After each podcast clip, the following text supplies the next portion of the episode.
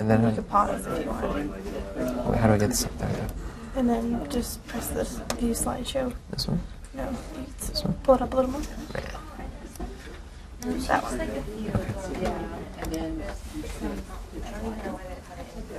Uh, okay, cool.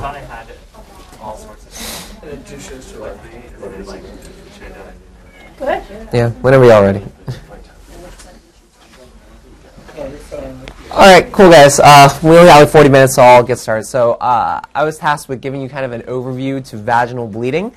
Uh, this is really more tailored towards the uh, R1s and the medical students, just because it's a little bit more basic. Uh, when I was an intern, we definitely wanted a couple more lectures that were kind of focused on the fundamentals, because I remember when I first came in, I hadn't had clinicals for six months, so it was kind of nice.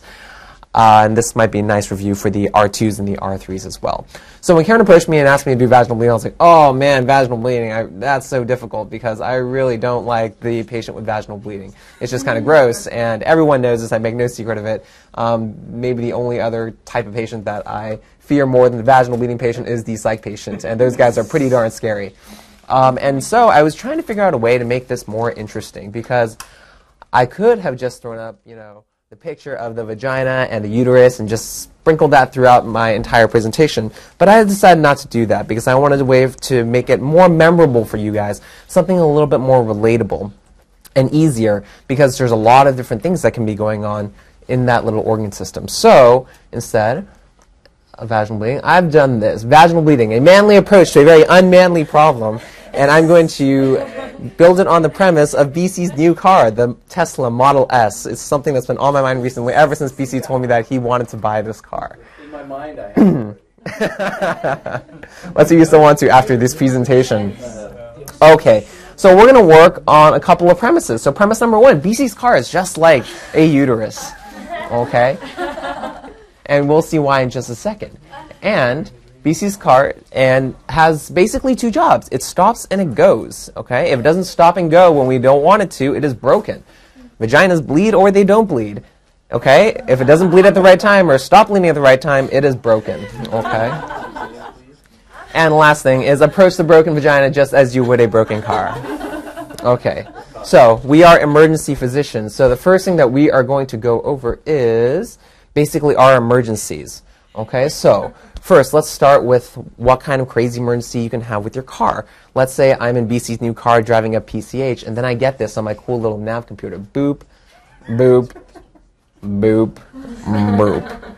Okay? What's happening? I'm literally losing the lifeblood of my car. It is dying. And so, what is the analogy in the vagina? Well, it is acute severe menorrhagia, not otherwise specified, from basically any sort of cause, which we'll get into later. But in this case, it is so severe that you are actually, the bleeding is so severe that you are actually going to die. So, what do you do? whenever I have a med student, I think a couple of you have uh, experienced this already, and you want to go see a patient, I always tell you, if you think the patient is going to die, just come back and grab me, okay? Don't do your 30-minute history because you think I'm going to ask you a weird question that you absolutely must cover.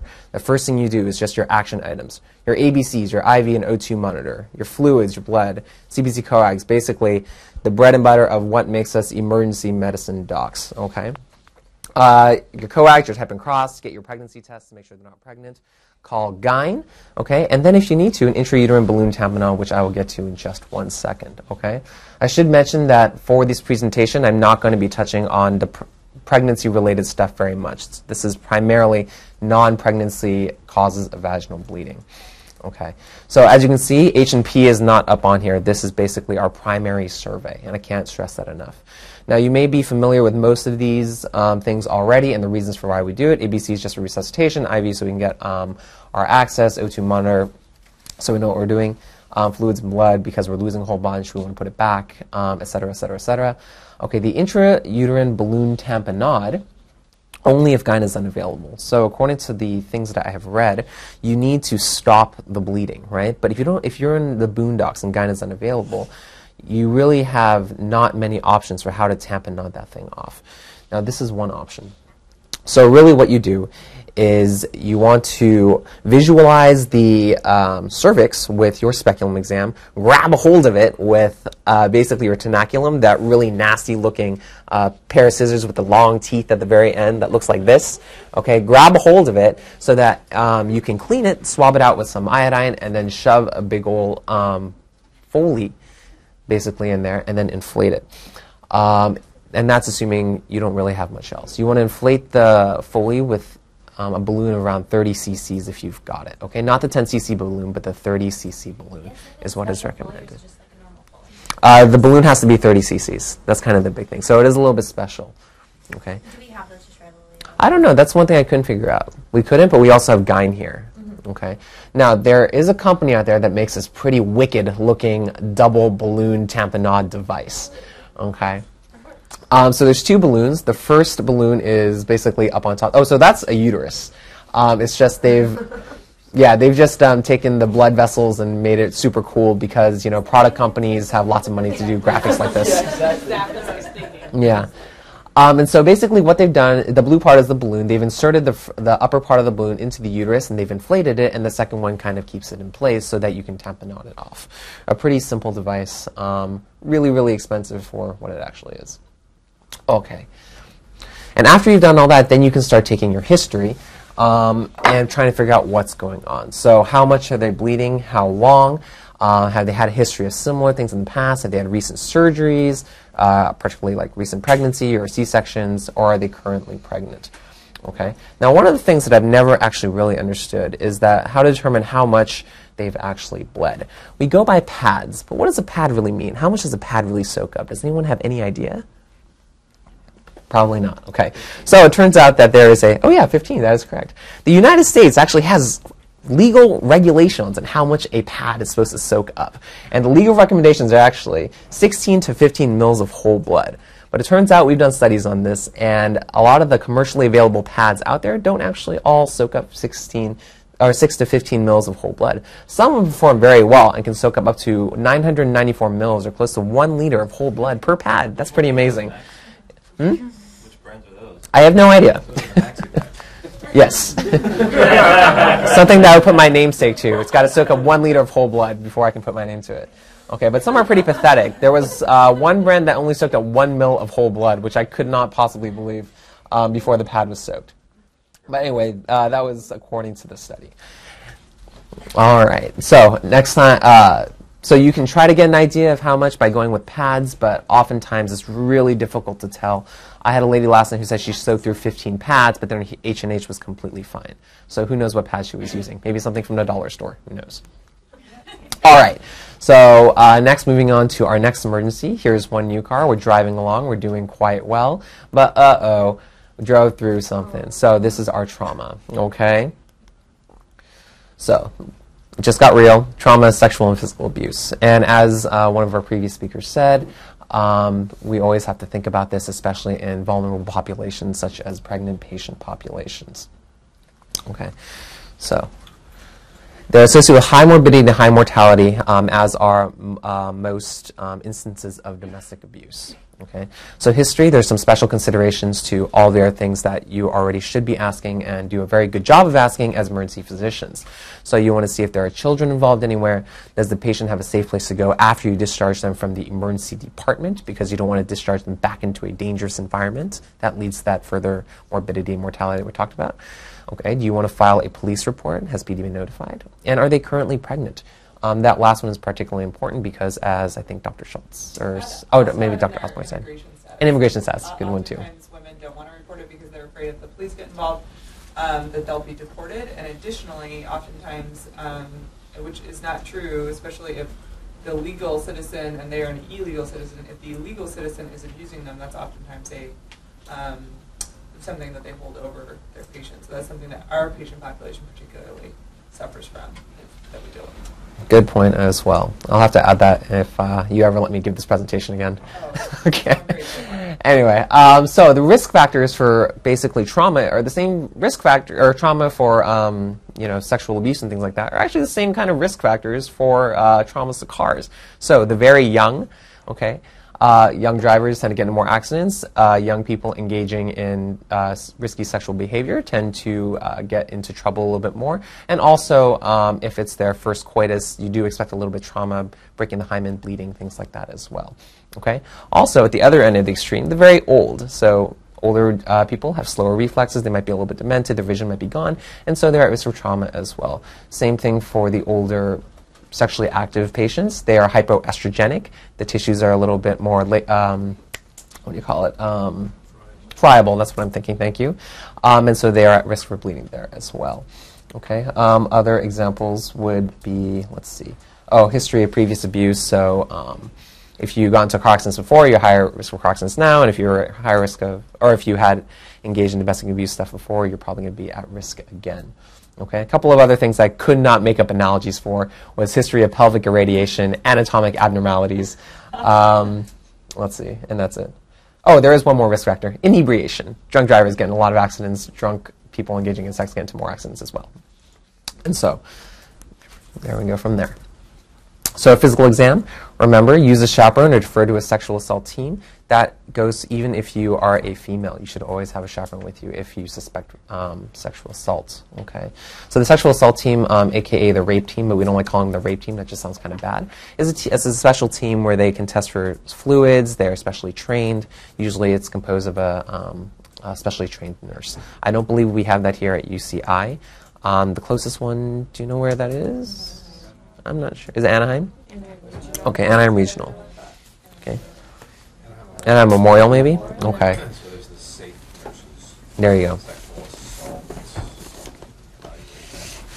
That's correct. When you call the police in the city that it happened, the police will come to UCI emergency department after you've stabilized them from a trauma standpoint. So if they have a head, you know, head injury or something like that, obviously you're going to take care of that first. Um, you call the police in the city that it happened. They will come out. They will assess whether a um, uh, this start wait, Safe. safe exam is necessary.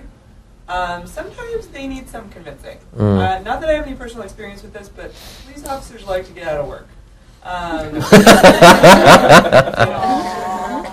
and um, so just, you know, they might be like, oh, the girl, oh, she's a prostitute, she's lying, or something like that. Like, if you really feel like the girl was raped, make your case to the police officer and say, this girl was raped. This is what she told me. You are taking her to Anaheim. I mean, you just tell them, just say, I really want you to take this girl to Anaheim for the for the rape exam. Completely All agreed. of the, all of the uh, police agencies in the county, as far as I know, do contract with that one sexual assault evidence collection place, and so they can go there and get their exam. At one point, some police agencies didn't, and some did. Now, as far as I know, they all do. And the other thing is that evidence collection is only necessary or practical in 72 hours for the assault. After that, then there's no particular sense referring them to that place for evidence collection. And so, if you are thinking about sending them to the SAFE team or the sexual assault team, uh, you do not have to do, and you probably should not do the um, speculum exam. And Okay. They actually don't want you to like touch anything. Right. So if it's a trauma patient, you remove all their clothes. Like those ones, you keep your underwear on, and you don't touch anything down there, so that it's everything is preserved for when you send them for that like rape kit exam. Exactly. I would at least look. I would I would encourage you to at least take a look and with gloved hands just to make sure there's not a huge laceration that they're bleeding from or you know just something that if you that you should at least be documenting or just mm-hmm. kind of looking. But yes, agreed. If they if they don't want to press tar- charges, does the whole kind of thing stop there? If they're like, oh, I don't want to press charges, do you just stop and you actually, don't we're refer them? And, mandatory reporters, so no, it doesn't stop. We're required to call the police. Mhm. Tell them, you can tell a police dispatcher that they don't want to report, and then the police make the decision. But you should always, as a physician, in a mandatory report, document that I called so-and-so, Sergeant so-and-so, and the Anaheim Police um, Yeah. will, was notified. Because I've had them, they come out and the cops are like, oh, they don't want to press charges, and it seems As like long as that's you like report one it, of their good. That's, Okay. that, that usually the officer needs to talk with the patient, Yeah. and then they decide not to pursue, that's, we're out of that. Okay. We fulfilled our obligation to be mandatory reporters. Any suspicion really is, got it's a really low level suspicion we have to report, regardless of what the patient wants. And there's, there's a big controversy about that because if the abuser is a family member or who had hurt them again, sometimes they're afraid that reporting is just going to piss them off more and bring them more danger. So there's been a long discussion in the abuse community about whether mandatory reporting is truly a good thing or not. but the state of California says we're mandatory reporters, and so we have to set up. All right.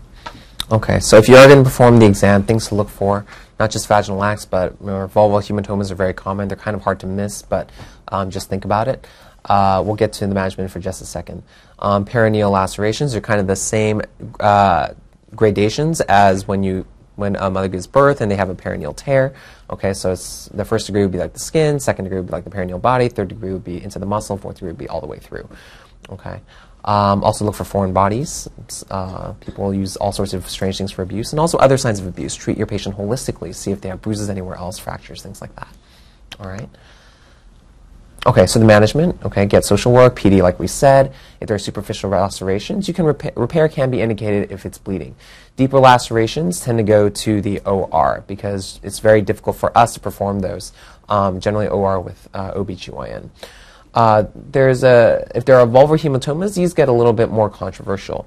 Okay, conservative management dictates that you should place a Foley because if the hematoma keeps expanding, you can um, occlude the urethra and then you have more problems there. So if you think that that's going to happen, place a Foley early on. Um, then there's conservative versus surgical management. Conservative management would just be lay it on ice for a little bit, try to reduce the swelling. Okay. Um, and surgical management uh, basically is going in, trying to evacuating out, ligating any of the bleeders. Uh, the data is controversial as to which one is better, and you can make a good case for either, um, but those are basically your options. Okay.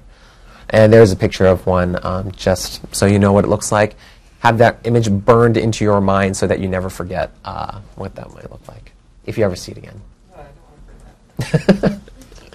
All right, so something a little more lighthearted now. Okay, so let's go into other emergencies. Um, for this, we're going to have to take a look at um, basically the innards of our brand new car. Okay, this is a, actually something that happened to my parents. Okay, their axle broke. Okay, the wheel twisted out. Really scary for them. I'm glad they were totally fine though. Okay, so twisting out, torsing out. Does that sound like anything? All right, so right over our or- ovary. Okay, and if you don't, bel uh, and so yeah, so where to go? And if you don't believe me, yeah, so it looks just like a car as far as our two axes go. okay, so this is our ovarian torsion. Um, so the pathophysiology is basically the ovary twists or torses around uh, the infundibulopelvic ligament and the utero-ovarian ligament. Oftentimes, it is associated with a concurrent adnexal, adnexal torsion, so torsion of the fallopian tubes.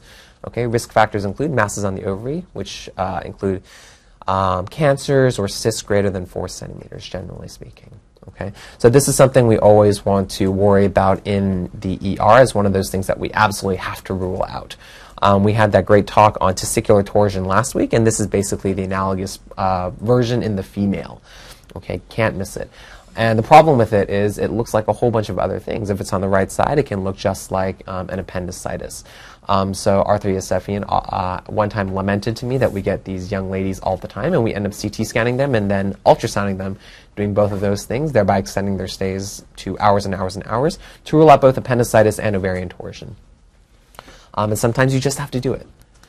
Uh, because both of those things are kind of our bread and butter stuff. We cover that. The presentation is 4% have vaginal bleeding. Uh, that occurs if you have torsion of the uh, adnexa, and then you get a little bit of possible ischemia, and that trickles down. Obviously, it's not a very common symptom. It's only 4%. Most of the time, you get uh, pelvic pain. Uh, 86 to 95% have an associated adnexal mass. Uh, very few have fever. Um, and most of them have very nonspecific nausea and vomiting. And so that's very not helpful usually. Management, if you suspect it, ultrasound with Doppler, with flows, okay, then call OBGYN uh, as you need to, especially if there is a large uh, mass lesion on there, greater than four centimeters. Okay, you always definitely want to rule out pregnancy. Okay. Uh, even if it's not torsed with your ultrasound on the Doppler, okay, if you do see the mass, sometimes you do want to call OBGYN. And the reason for that is just like your testicular torsion, the ovarian torsion can torse and untorse, torse and untorse. And so you don't know if, when you've caught the actual um, finding. Got it? Cool. All right, next part. So we'll move from the axle out into the not so emergent areas um, in the tire. Okay? So your tire can blow out or rupture. Okay? So just like your ruptured ovarian cyst. Okay, it's also in the same location, so that works out pretty conveniently. So the pathophysiology of the ovarian cyst is your ovarian follicle Uh, an ovarian cyst is basically any ovarian follicle that's greater than two centimeters. Okay, and because they expand, they get very thin-walled, so they're very prone to rupture. Okay, and these cysts can be filled with all sorts of stuff. Okay, and can be include, uh, they can be blood inside, and so when that ruptures, we call that a uh, ruptured hemorrhagic cyst. Okay, as we know, blood is very, very, very irritating, irritating uh, to the peritoneum, so they can present with intense pain. Okay. Oftentimes they do present with vaginal bleeding as well, but that's not because the blood has like trickled into the little arms of the fallopian tubes and then come back down into the ovary. It's because when the cyst pops, you get a drop in your uh, estrogens needed to maintain the endometrium, and so then you get some, a little bit of sloughing. Okay, and so you do get some blood there too. So uh, sudden onset unilateral abdominal pain and light vaginal bleeding. So, so the issue of blood being irritating to the peritoneum, some patients have lots of blood and very little tenderness, and other people do seem to object and have a lot of pain. So I wouldn't not think it, it, it can't be blood because the patient doesn't have enough pain. It still could be. And hemorrhagic ovarian cysts ectopic pregnancies and stuff can present somewhat benignly with just hemodynamic. And that's absolutely correct, actually. But the uh, it turns out, but the nice part is that there's really not so much. You're going to see a pattern to most of this, and we'll, I'll point it out later. There's actually not so much you're going to be doing for your uh, vaginal bleeders. Basically, in the end, it's going to be all about the CBC, the pregnancy tests, and possibly an ultrasound. And so you end up ruling out a whole bunch of these things at the same time. Okay, so the management again, CBC pregnancy, ultrasound is the cornerstone evaluation, like I just said. Pain control if they do have pain. For an uncomplicated cyst, you can be discharged. For complicated cysts, i.e., they're hemodynamically unstable because they're bleeding so much, of course, very, very, very rare, um, call GYN admits so that you can get further management. All right. Oh, I'm sorry. We'll back up. Sorry, and, and a common pitfall for emergency physicians is to ascribe pelvic pain to an ovarian cyst and miss the appendicitis. So just because just because somebody has an ovarian cyst, but be careful to ascribe the to. An unruptured ovarian cyst generally shouldn't cause pain. If it's torsed, yes. If it ruptures and there's some bleeding, yes. But it's so common finding that you know women have a two or three centimeter cyst that uh, some appendicitis has been missed because they say, oh well, there's a cyst there causing pain, but not necessarily. Okay. So I'm guessing you're seeing, starting to see these recurring themes, right? So you might have to CT them and get the ultrasound for these uh, young women, okay, to rule out both of those things. All right. So we're about halfway through. Uh, we're transitioning into the interior of a car, and then I got us, uh, as part of this continued story, I'm going to tell a story about my buddy Ahmed over there. All right. So Ahmed is a stud muffin. Okay. Um, he's had all sorts of stories about him already. One of the PICU attendings has pointed out that he is a very virile young man flirting with the nutrition uh, nurses over at um, Long Beach. Yes, dietitian. I'm sorry. And one time he was even considering dating a um, girl just so that he'd get Laker tickets, and he almost pulled it off. Okay. And so the reason I bring this up is because back over in Atlanta, um, he met a very young girl uh, who's very attractive.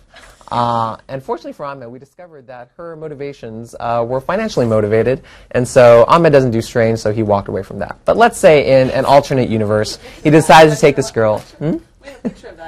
You-? Oh no, it's not. I really wish we did.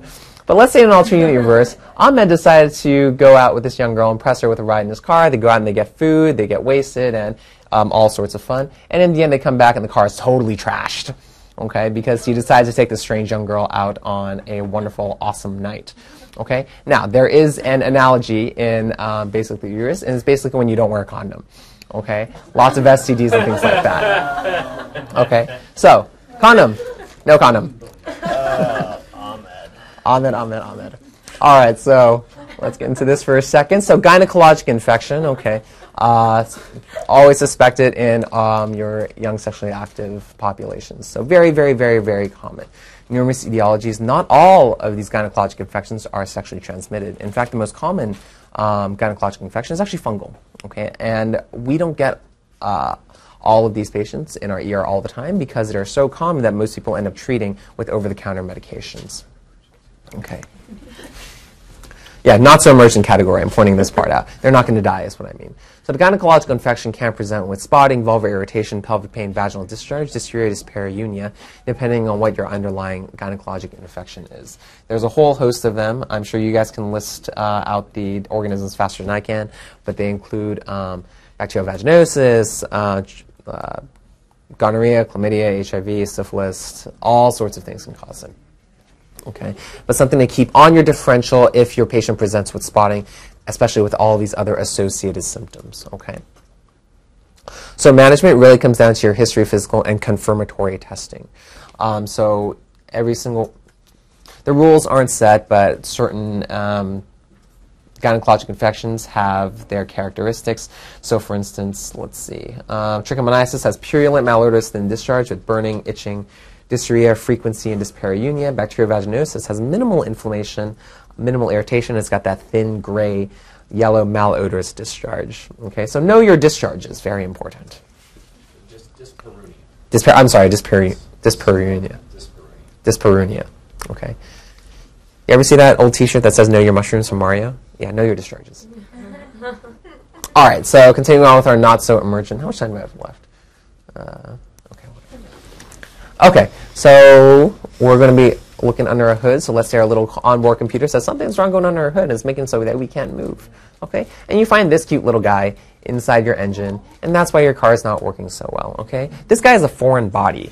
Okay, so he's a lot cuter than foreign bodies that we see in uh, the vaginas that we see sometimes. Okay, uh, I'm sure every single one of you has your vaginal foreign body story that you love to tell at dinner parties and things like that. Um, I really wish I had time to tell you one. Should I tell you one? Yes. Yeah. Okay. So one of my favorite ones uh, it was one time this uh, woman presented with a little bit of spotting and said that she had pain in her vagina. So you go and do the pelvic exam and you pull out a Doritos bag and you ask her, "Why is there a Doritos bag there?" And she says, "Oh, well, my boyfriend and I ran out of condoms." True story. and I'm sure all of you have even grosser ones too. There's another one where you, I think uh, this is a buddy of mine found candy, and we're like, "Why is there candy in there?" And they said, "Oh, my husband and I like to play this game called Find the Candy." Okay, examples. So, tampons. Okay, uh, condoms. A lot of people say they were having sex, they lost the condom, they think it's still up in there. Um, and oftentimes you'll go up and look, and the condom is not there. It happens very frequently. I think a lot of our um, more senior residents have had uh, this happen to them very frequently as well. Intrauterine devices, they say they can't reach up, they can't pull out the intrauterine device, they've lost the strings, etc. Many, many, many, many, many others. We should start a book. I think we could uh, publish it and make a killing. Cigarettes. Management, retrieval, and repair if they've cut anything. Cigarettes, okay, so I, I hear cigarettes, that's disgusting. Um, and repair if there's lacerations and cuts and things like that as well, okay? Again, if you do find foreign bodies, uh, just to bring that back up again, think about sexual abuse if you don't think it was consensual. Okay? All right. Okay, next one here. So, there. So let's say that that's our car, and there's a big old mass of people. Keyword being mass. Okay, and that's why your car no longer works very well because it's turned over and your mass is uh, pulling it up. Gynecologic mass and malignancies. I think uh, Dr. Osborne already went over a couple, but I'll mention a couple real quick.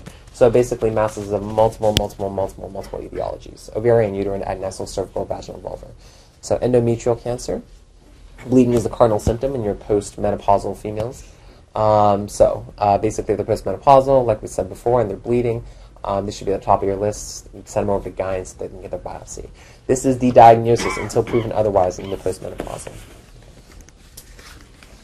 All right. Um, so management is the CBC, transvaginal ultrasound, gyne consult, or gyne follow-up. And it turns out that for management of basically all of the other masses as well, it's basically an ultrasound to find it and then send them over to gynes so they can biopsy, uh, resect it, etc. And characterize it so they can get them on the right chemotherapy regimens and things like that. Okay. Other kind of masses are not so crazy. So there's your very common fibroids. The presentation is just abnormal uterine bleeding. They've got some pelvic pressure and pain, and occasionally they have reproductive dysfunction. Okay, these are very, very common. Um, not always in the postmenopausal, but can be in the perimenopausal or sometimes even the premenopausal um, fibroids as well. Um, you can find on transvaginal ultrasound. You just got to rule out the endometrial cancer. Okay, always got to rule out cancer. Don't want to get sued because you forgot to rule out cancer. Okay, so there's a couple more um, that just aren't really covered in the uh, spectrum of this short little talk. You're bleeding diatheses, or di- pronounce that. So if you got von Willebrand and you're bleeding, well, you're probably bleeding from a whole other places. Um, so just consider that as well. Endocrine abnormalities of all sorts of things can also um, lead to vaginal bleeding. Okay, so last part here is so this is uh, an example of BC's little Tesla right there. Uh, New York Times uh, reporter took it for a spin, and it didn't work. They could never figure out why it didn't work. It just didn't work. Okay? And there is an analogy for that too. Okay, and we call that lemon. Sorry for that. So there is an analogy for a lemon, and it is called dysfunctional uterine bleeding. It is a diagnosis of exclusion. Okay, that's basically after you rule out every, every, every, everything else, you can call it dysfunctional uterine bleeding, and we get that a lot in the ER as well. The definition of uh, dysfunctional uterine bleeding is basically heavy bleeding greater than 80 mils, so you can refer back to that uh, pad soaking up absorptive thing to get your 80 mils, or just prolonged bleeding greater than seven days of uterine bleeding. The underlying pathophysiology, because there ultimately is a reason for everything, whether or not we can find it, is prolonged anovulation or abnormal ovulation. So if you think back to um, basically your uh, third year med students, or um, you remember that basically as your estrogen goes up, your uterine lining builds up. And at ovulation, your estrogen kind of crashes, and then progesterone takes over and kind of maintains it at a steady state. However, if you never ovulate, your estrogen levels keep going up. This keeps building up and up and up and up and up and up, and up until you have all sorts of stuff. And then when you finally ovulate, um, then all of this stuff sloughs out, and you get heavy bleeding, prolonged bleeding, because you just had a whole lot more stuff to bleed out. Okay, and um, that's pretty much it there. Okay. So management is again you have to rule out treat the underlying conditions and the hormonal contraceptives. First line is uh, hormonal contraceptives are first line for acute dysfunctional uterine bleeding, and you get them OBGYN follow up. And as uh, we were talking about uh, basically what hormonal contraceptives we should start, and Dr. Landorf gave me a couple of pearls yesterday. Um, but I went over to ACOG as well. So the 2013 guidelines are as follows. These are based on a couple of papers that they published and they really liked um, for dysfunctional uterine bleeding. So the first one is just uh, forced estrogen. Okay, you just give it IV in your uh, ER or uh, admitted for Q4 26 hours. A couple of contraindications: history of breast cancer, VT, liver function. And basically, for all of these, if you have um, history of venous thromboembolisms, you don't want to give it because you might predispose them more. Okay, so the what's that one that you told me about, Karen? The Sprintec, right? That's basically the ethinyl estradiol. Um, that's this one over here. Basically, uh, TID for seven days, and that's fine too. We also give medroxyprogesterone acetate. That's a very popular choice. 20 milligrams PO TID for seven days. That's. Oh, that's Provera. Yeah, that's Provera. Yeah. Uh, then there's one that I keep seeing popping up in the literature, but I've never seen it done here. Tranexamic acid. 1.3 grams PO TID times five days. Basically, any of these are can be recommended by ACOG 2013, um, but it seems like we like the middle two more, so I would stick with these. The advantages of um, these two in the middle as opposed to this one on the top is this one you can send them out because they're PO. Okay. And the Um, acid is also- a procoagulant, um, generic, doesn't do anything with the hormones themselves or stop the course cause of the bleeding. It just, just basically makes you clot a little more.